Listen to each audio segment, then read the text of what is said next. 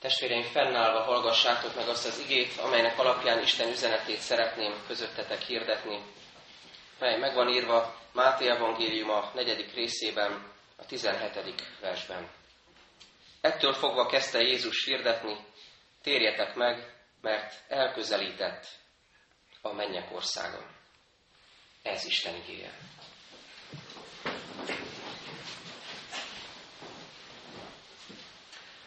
Tegnap 2013 utolsó Isten tiszteletén, az újévi háladó alkalmon ennek a történetnek az előzményét olvastuk, Jézus megkísértésének történetét.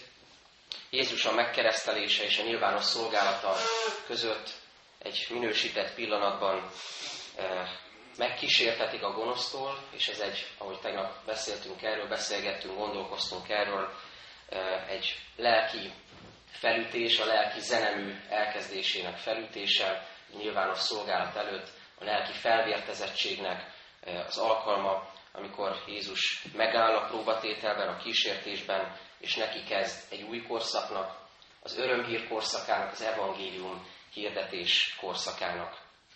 A mai igényben is olvasunk egy kezdetről, ahogy a textusban is olvastam, ettől fogva kezdte Jézus hirdetni, térjetek meg, mert elközelített a mennyek országa. Valami elkezdődik, valami fontos kezdődik el tehát Jézus életében, üdvtörténeti szempontból is döntő pillanat ez. Lassan, hogyha az óránkra pillantunk, akkor megláthatjuk azt, hogy az egész Földön beköszönt az új esztendő, nagyjából mostanában, vagy talán 11 vagy 12 órakor. Az egész világon eljött ez az új esztendő, és a mi életünkben is valami új kezdődhet el. Bár Istennél, aki az idő fölött is úr, ahogy szoktuk mondani, és hogy az ige mondja nála egy nap olyan, mint ezer esztendő, és ezer esztendő olyan, mint egy nap, tehát valójában az emberi idő múlásának Isten szempontjából így nincs jelentősége. Mégis Istennél, aki az idő fölött úr, az ember ideje, az ember élete is fontos. Mi drágák vagyunk számára, számon tart bennünket, tudja, hogy mi történik velünk, és fontos számára minden napunk, évünk, pillanatunk, a szívünk minden dobbanása.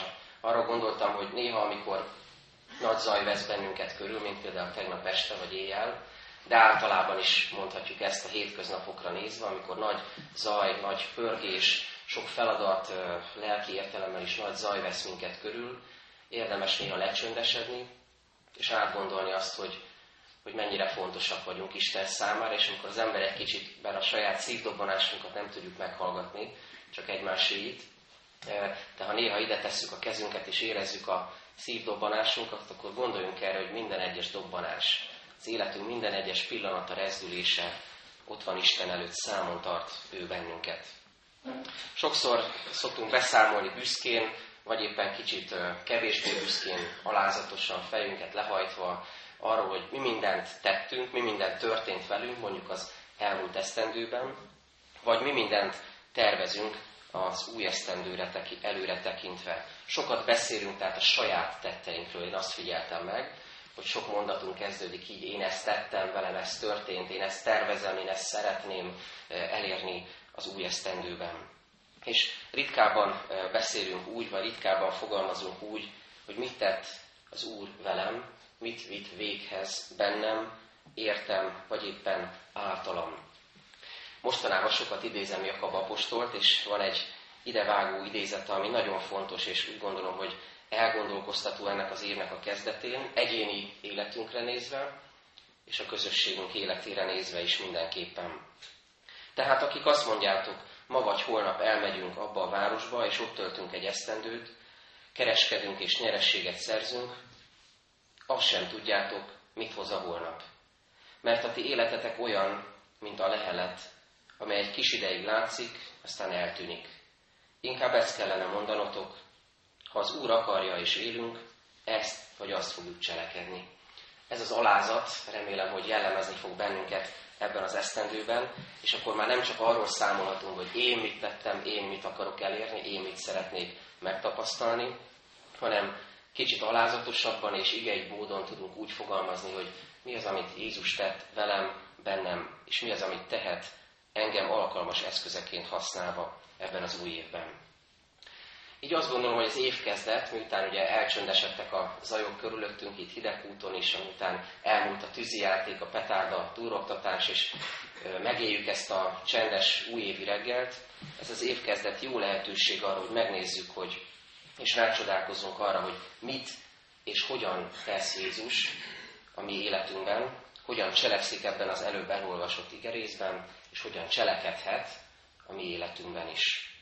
Mert ahogyan Jézus cselekszik, az irányadó lehet számunkra az új esztendőben is. Az első szó, ami megragadta a figyelmemet Jézus jelenlétével, cselekvésével kapcsolatban, ez így hangzik, letelepedett. Amikor Jézus a szolgálata kezdetén letelepedik Kapernaumban, akkor beteljesedik a profécia, hogy Máté evangélista is idézi, Ézsaiás profétát, a nép, amely sötétségben járt, nagy világosságot lát, és a halál árnyékában lakóknak a világosság feltámad, felragyogott.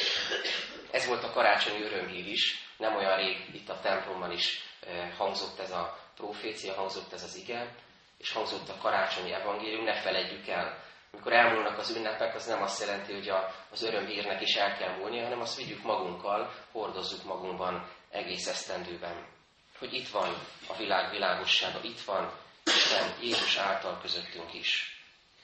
Jézus letelepedésének az egyik üzenete az emberrel való közösségvállalás. Először ez vált számomra fontosság. Jézus letelepedik Kapernaumban, tudjuk, hogy aztán sokfelé járt, sokfelé tanított, bejárta egész Izraelt, és igyekezett minél többekkel megismertetni az örömhírt, de valamiért fontosnak tartotta itt most letelepedni, és innen itt, ezen a környéken hirdetni az evangéliumot. Vagyis ennek a letelepedésnek ez az egyik fontos üzenete, hogy Jézus közösséget vállal az emberekkel. Jézus nem olyan, mint egy előkelő, távolságtartó, néha benéző mester, nem olyan, mint egy híres előadó, akikkel manapság is lehet találkozni, népszerű előadó, aki megjelenik, nagy, nagyszerű tanításokat mond el, autogramot osztogat, learatja az emberi dicsőséget, és utána eltávozik, hanem nagyon szépen fejezik ki ez a szó, hogy letelepedett, azt, hogy közösséget vállal az emberekkel, része az emberek életének. Közösséget vállal velük, megismeri őket, kifejezi a szeretetét, nagyon mélyen próbálja megérteni, megismerni az embereket, nem csak a felszínt látja, ahogyan mi sokszor látjuk egymást, nagyon felszínes ítéletet alkotva egymás életéről, hanem sokkal mélyebben, lényegi módon találkozik az emberekkel, beszélget velük, részese az életüknek, a hétköznapjaiknak. A letelepedésnek a másik üzenete fontos Jézusi mintát hordoz számunkra. Egyrészt arra indít, vagy arra hív bennünket, hogy mi magunk is így éljük meg az emberi kapcsolatainkat, hogy ne csak felszínes kapcsolatunk legyen egymással, hanem a letelepedés által mi magunk is tudjunk közösséget vállalni egymással. De a misszióra nézve fontos üzenete van ennek a letelepedésnek, ezen túlmenően is. Mert ez a letelepedés azt jelenti, hogy a misszió gyakorlásához, a testvéri közösség megéléséhez, az intenzív emberi kapcsolatok kialakításához, a Krisztustól kapott küldetésünk betöltéséhez szükséges egy lelki otthon. Szükséges egy olyan otthon, ahova mindig vissza lehet térni. Szükséges egy spirituális bázis, egy agapé centrum, egy olyan közösség, ahova mindig visszatérhet az ember, ahol töltekezhet, úgyis mondhatnám egy hitbeli, egy lelki origó. Az életünknek a koordináta rendszerében nagyon sokfelé járhatunk, sokfelé sodorhat minket az élet, vagy indíthat a lélek arra, hogy sok mindent tapasztaljunk ebben a világban. Elindulhatunk, mozdulhatunk, tájékoz, tájékozódhatunk, szerezhetünk különböző nagyszerű impulzusokat, amik segítik az életünket, a növekedésünket. Érhetnek hatások, épülhetünk sokféle helyen, közösségben, de mindenképpen jó, hogyha van egy lelki otthon, egy olyan bázis, ahova mindig visszatérhetünk, ami a miénk, ahol felelősséget vállalunk egymásért, ahol szolgálatunk van, ahol feladatunk van, ahol megélhetjük a letelepedettség állapotát.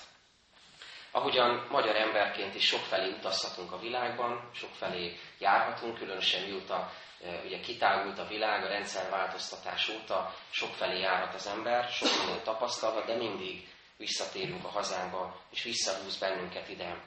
az ide tartozás érzése, a hazaszeretet. A 16.-17. században sok diák indult, református diák is indult külföldi egyetemekre tanulni, de rendszerint visszatértek, és itthon kamatoztatták a tudásukat, azokat az impulzusokat, amelyeket kaptak külhonban. Vagy ahogy a családunk tagjaként is nagy lelki vagy testi távolságokat élhetünk meg adott esetben, akár egy nap leforgása alatt is, sok minden tapasztalatunk, de mindig jó visszatérni a családunk körébe, a szeretet közösségbe, a szeretet bázisához. Fontos tehát, hogy otthon legyünk a hazánkban, a családunkban, de ugyanilyen fontos és áldások forrása lehet, hogyha készek vagyunk letelepedni, elköteleződni a gyülekezet közösségében is. A reménységünk szerint így lehet ez a templom is az egyre bővülő, növekvő bázisává, otthonává az élő közösségünknek, növekedő közösségünknek, és így találhatja meg ebben a lelki otthonban, a lelki élő kövekből felépülő lelki házban egyre több testvérünk is a helyét. Mert innen kiindulva hirdethetjük, ahogy Jézus is tette, térjetek meg, mert elközelített a mennyek országa. Nézzük tovább, mit tesz Jézus. Nem csak letelepedik, hanem követésre is hív. Nem csak bázist és alapokat ad, nem csak egy lelki kiinduló pontot teremt azzal, hogy ő ott van, huzamosabb ideig ezen a helyen, és hozzá lehet menni, lehet vele beszélgetni, és ő innen kiindulva hirdeti, hirdeti az evangéliumot, hanem a közösséget is ajándékba adja, és feladatot, feladatot is ad az övéinek, a választottaknak. Olyan szép és olyan megragadó jelenet az, amikor Jézus a tengerparton, vagyis a tópartján, a Genezáret tópartján jár, és egyszer csak meglát egy testvérpárt, Pétert és Andrást, aztán később még egyet, Jánost és Jakabot, és érezzük, amikor rájuk tekint, hogy már nem csak a vérségi kapcsolatok számítanak itt, hanem a lelki közösség. Hogy ők nem csak vérszerinti testvérek, de milyen szép, hogy testvérek is, vérszerinti testvérek is vannak a 12 tanítvány között, de már nem ez a legfontosabb, hanem a Krisztus vére általi testvérség, vagyis a lelki közösségünk, a lelki testvérségünk a gyülekezetben is. A lelki kötelék a Jézusi elhívás által.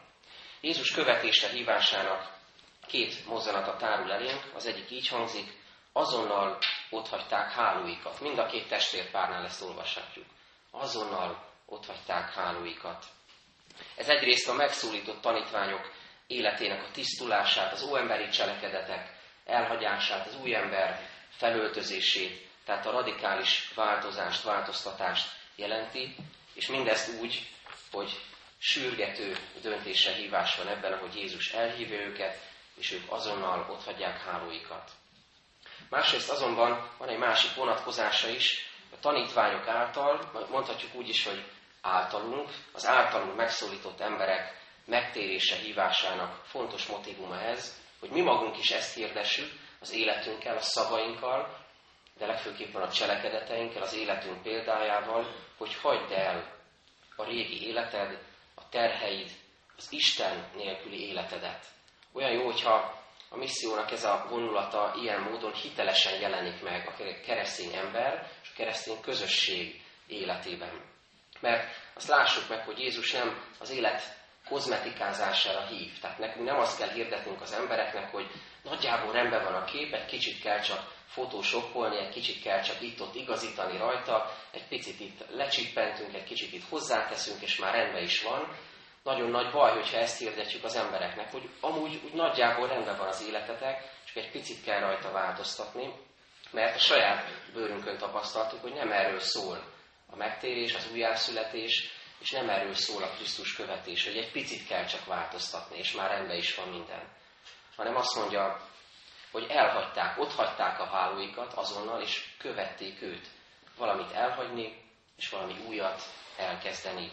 Ezt jelenti tehát a megtérésre hívás. És azt gondolom, hogy akkor hiteles az egyház, a keresztény ember, hogyha az életünkön, az életünkben meglátszik ez az azonnali háló elhagyás, illetve ennek a készsége, mert így lehet másokat is a háló otthagyására buzdítani és hívni.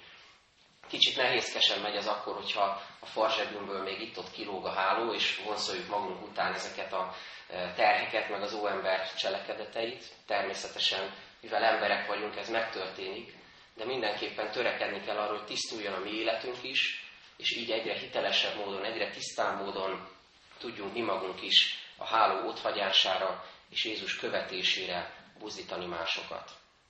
Követték őt, ez a másik mozzanata, amely nagyon szorosan összefügg a háló elhagyással, amit olvastunk, az otthagyás, követés, ez együtt válik egy dinamikus egységé.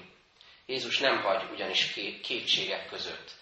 Nem hagy közösség, vezetés és lelki biztonság nélkül. Amikor valamit elhagysz, valamit otthagysz, valamit hátrahagysz, keletkezik egy űr, keletkezik egy üresség, de Jézus rögtön a segítségünkre siet, és lelkével betölti ezt az űrt. Nem hagy bennünket üresen, nem hagyja, hogy az, amit elhagytunk, ami, ami hátra maradt, az fájó űrként, fantomfájdalomként jelentkezzen, és hordozzuk azt magunkban továbbra is, hanem betölti azt, teljessé, egészé teszi az életünket. Mert a követés, az otthagyás és követés az nem csak egy-két napnak, évnek a feladata, hanem egy egész életprogram. Gondoljunk arra, mennyi mindennel tele szoktuk írni a naptárunkat, határidőnaplunkat, tervezésünk, tervező naptárunkat, hogy mit szeretnénk ebben az évben tenni, lehet, hogy már nyárra is, vagy őszre is vannak terveink, hogy mi, mi hogyan fog történni, mit szeretnénk elérni, pedig igazából minden napra beírhatnánk ezt a feladatot, amit ebben az igében olvastunk. Ne felejtsük el otthagyni a hálót, és követni Jézust minden nap. Minden nap újra meg újra meg lehet és meg kell ezt tenni. A lelki bázis megteremtése és az onnan kiinduló követés után a harmadik rövid szakaszban, a ma olvasott igényben igazán óriási erővel mutatkozik meg az, hogy mit tesz Jézus. Három apró megjegyzést ö, olvasunk ebben, hogy mit is tesz Jézus. Tanít, gyógyít és vonzza magához az embereket. Lássuk meg, hogy hogyan vonatkozik ez ránk, milyen üzenetet hordoz ez számunkra. Jézus tanít, méghozzá nem akármit. Azt olvassuk, hogy a mennyek országának evangéliumát hirdette. És olyan jó azt meglátni, hogy az ő nyomdokai járva nekünk sincsen más feladatunk, más küldetésünk, mint hogy ezt a lényeget hirdessük, a mennyek országának evangéliumát. Egy lelkész társam mesélte egyszer, hogy egy e, ige hirdető az Isten tiszteleten, ahol a hirdetéseknek, a közérdekű információknak a helye nem az Isten tisztelet végén, hanem az ige hirdetés előtt volt, vannak e, ilyen liturgiák is, és ahogy mondta a hirdetéseket, még már az ige hirdetésre majdnem sor került, és azt mondta, hogy még a prédikáció előtt szeretnék valami nagyon fontosat mondani. És olyan különösen hangzott ez, mintha a prédikáció nem lenne fontos, mintha csak az lenne fontos, amit most mondok. Tehát ne felejtsük el, ez csak arra egy nagyon jó példa, hogy, hogy a lényeg azért mégiscsak az, amit a mennyek országának evangéliumáról hirdet nekünk Jézus. Hogy ne az legyen, hogy még valami fontosat is mondok, aztán még esetleg mellesleg meghallgatom eh, az ige hirdetést, vagy az Isten igét is megnézem, hanem legyen az az életünk középpontjában, amit Jézus tanít nekünk a mennyek országának evangéliumáról. A második kifejezés, hogy ő nem csak tanít, hanem gyógyít is. Különös, hogy mennyi gyógyítás történetet olvasunk az evangéliumokban. Jézus elkezdi a nyilvános tanítói szolgálatát, de lépten nyomon beteg emberekkel találkozik. Olyan emberekkel, akiknek az élete nem teljes, eltörött, megtörött, megrogyott, megfáradt, eh, vagy valami megszakad bennük, egy folyamat, ami egyébként már elindult. Nem találkoznak Isten áldásaival, és ez az életükre rányomja a bélyegét. Valóságos betegségekről olvasunk, és valóságos gyógyulásokról.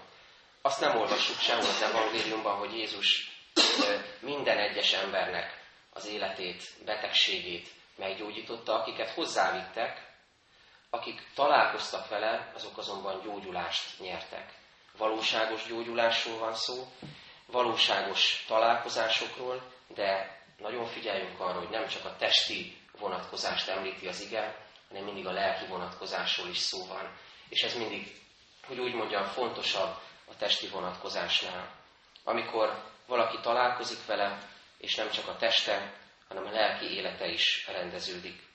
Mi magunk is itt a gyülekezetben sokat könyörgünk az elmúlt időszakban is, beteg testvéreinkért, gyülekezeti tagjainkért. Egészen az egy-két hetes csecsemőtől kezdve, 15 éves fiún keresztül, a középkorú meglett emberekig, akik küzdenek, harcolnak betegségekkel, kórokkal, heteken, hónapokon keresztül, egészen az idős testvéreinkig, asszonyokig, férfiakig könyörgünk, esedezünk, hogy Jézus gyógyíts, gyógyítsa meg őket, és adjon nekik reménységet. De a gyógyítás olyan jó látni az evangéliumban, mindig együtt jár a Jézusban való találkozás által a lelki gyógyulás motivumával, a bűnbocsánattal, az újrakezdés lehetőségével, a lelki tisztulással, a talpraállással. Jézus tehát nem csak tanít, hanem gyógyít, és ebben a szolgálatban nekünk is feladatot ad, hogy vigyük Jézushoz a beteg testvéreinket. És végül azt is olvassuk, bár nem szó szerint, hogy Jézus vonzza magához az embereket. Így olvassuk, elterjedt a híre, aztán azt is olvassuk, hozzávitték mindenhonnan a betegeket, és végül nagy sokasság követte őt, mint hogyha egy hihetetlen lelki vonzerő lenne Jézusban, nem csak tanító, nem csak gyógyító, hanem ennél sokkal több, az atya vonzását közvetítő, megváltó. Ez a Szentlélek vonzása is kegyelme. De nézzük csak meg az életünket ennek az évnek a kezdetén, nagyon alázatosan. Vajon terjed-e a mi életünkön keresztül szóban és cselekedetben, hitelességben az Isten evangéliuma, Jézus híre? Jézus cselekszik, ahogy olvastuk az igében, letelepedik, követésre hív, tanít, gyógyít, vonz, a mi feladatunk pedig az, hogy álljunk készen az Isten országa munkájában, a mennyek országa evangéliumának terjesztésében, hirdetésében. Adja Isten, hogy így legyen a személyes életünkben és a gyülekezetünk életében is ebben az évben. Amen. Maradjunk csöndben egy rövid ideig, és most a lélek gyümölcsének összetevőit fogjuk majd hallani a csöndben, rövid szüneteket közbeiktatva, és az imádságunkban lássuk meg azt, hogy hogyan ad a lélek gyümölcsében nekünk növekedést, erősödést Isten ebben az esztendőben. Imádkozzunk!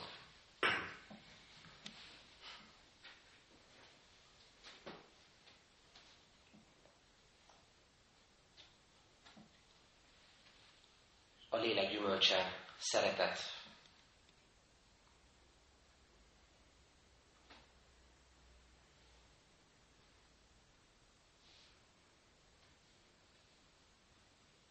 a lélek gyümölcse öröm.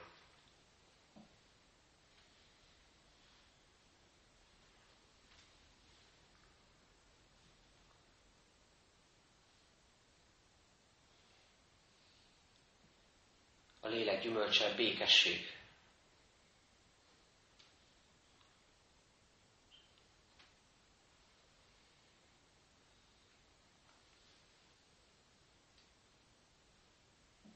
a lélek gyümölcse türelem.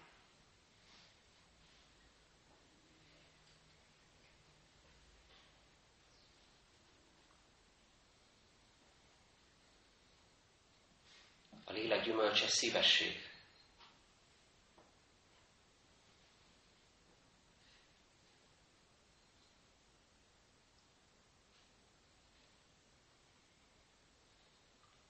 A lélek gyümölcse jóság.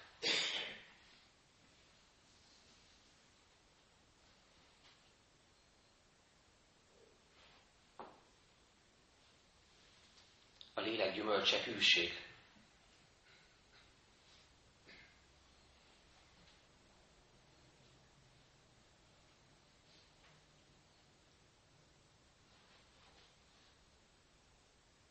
A lélek gyümölcse szelítség.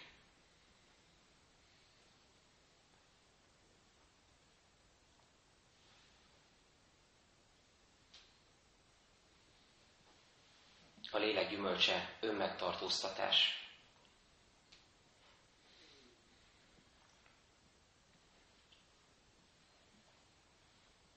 Szeretet, öröm, békesség, türelem, szívesség, jóság, hűség, szelítség, önmegtartóztatás. Urunk, arra kérünk, hogy, hogy növekedést Te szent lelked által ezekben az értékekben, kincsekben, Jézusi tulajdonságúban. És segíts bennünket, hogy lehessünk a Te országot hirdetői. Állíts minket a helyünkre, családban, gyülekezetben, nemzetben. Utasd meg a mi helyünket, feladatunkat, küldetésünket, és segíts, hogy nem mindig magunkkal kezdjük a gondolatainkat, mondatainkat, hanem mondhassuk, ha az Úr akarja, és élünk, ezt és ezt fogjuk cselekedni. És kérünk segíts, hogy a Te dicsőségedre lehessünk, a Te fényedet tükrözhessük vissza ebben a világban. Köszönjük, hogy meghallgattad magunkban elmondott imádságainkat. És most eléd járulunk az Úri imádság szavaival.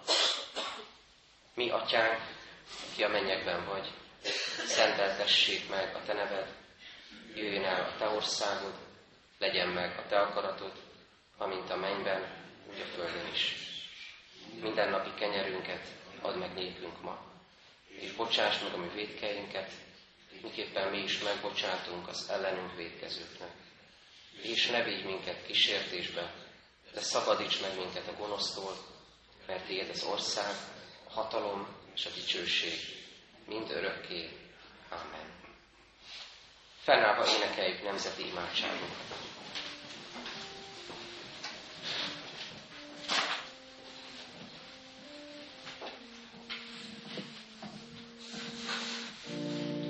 Jézus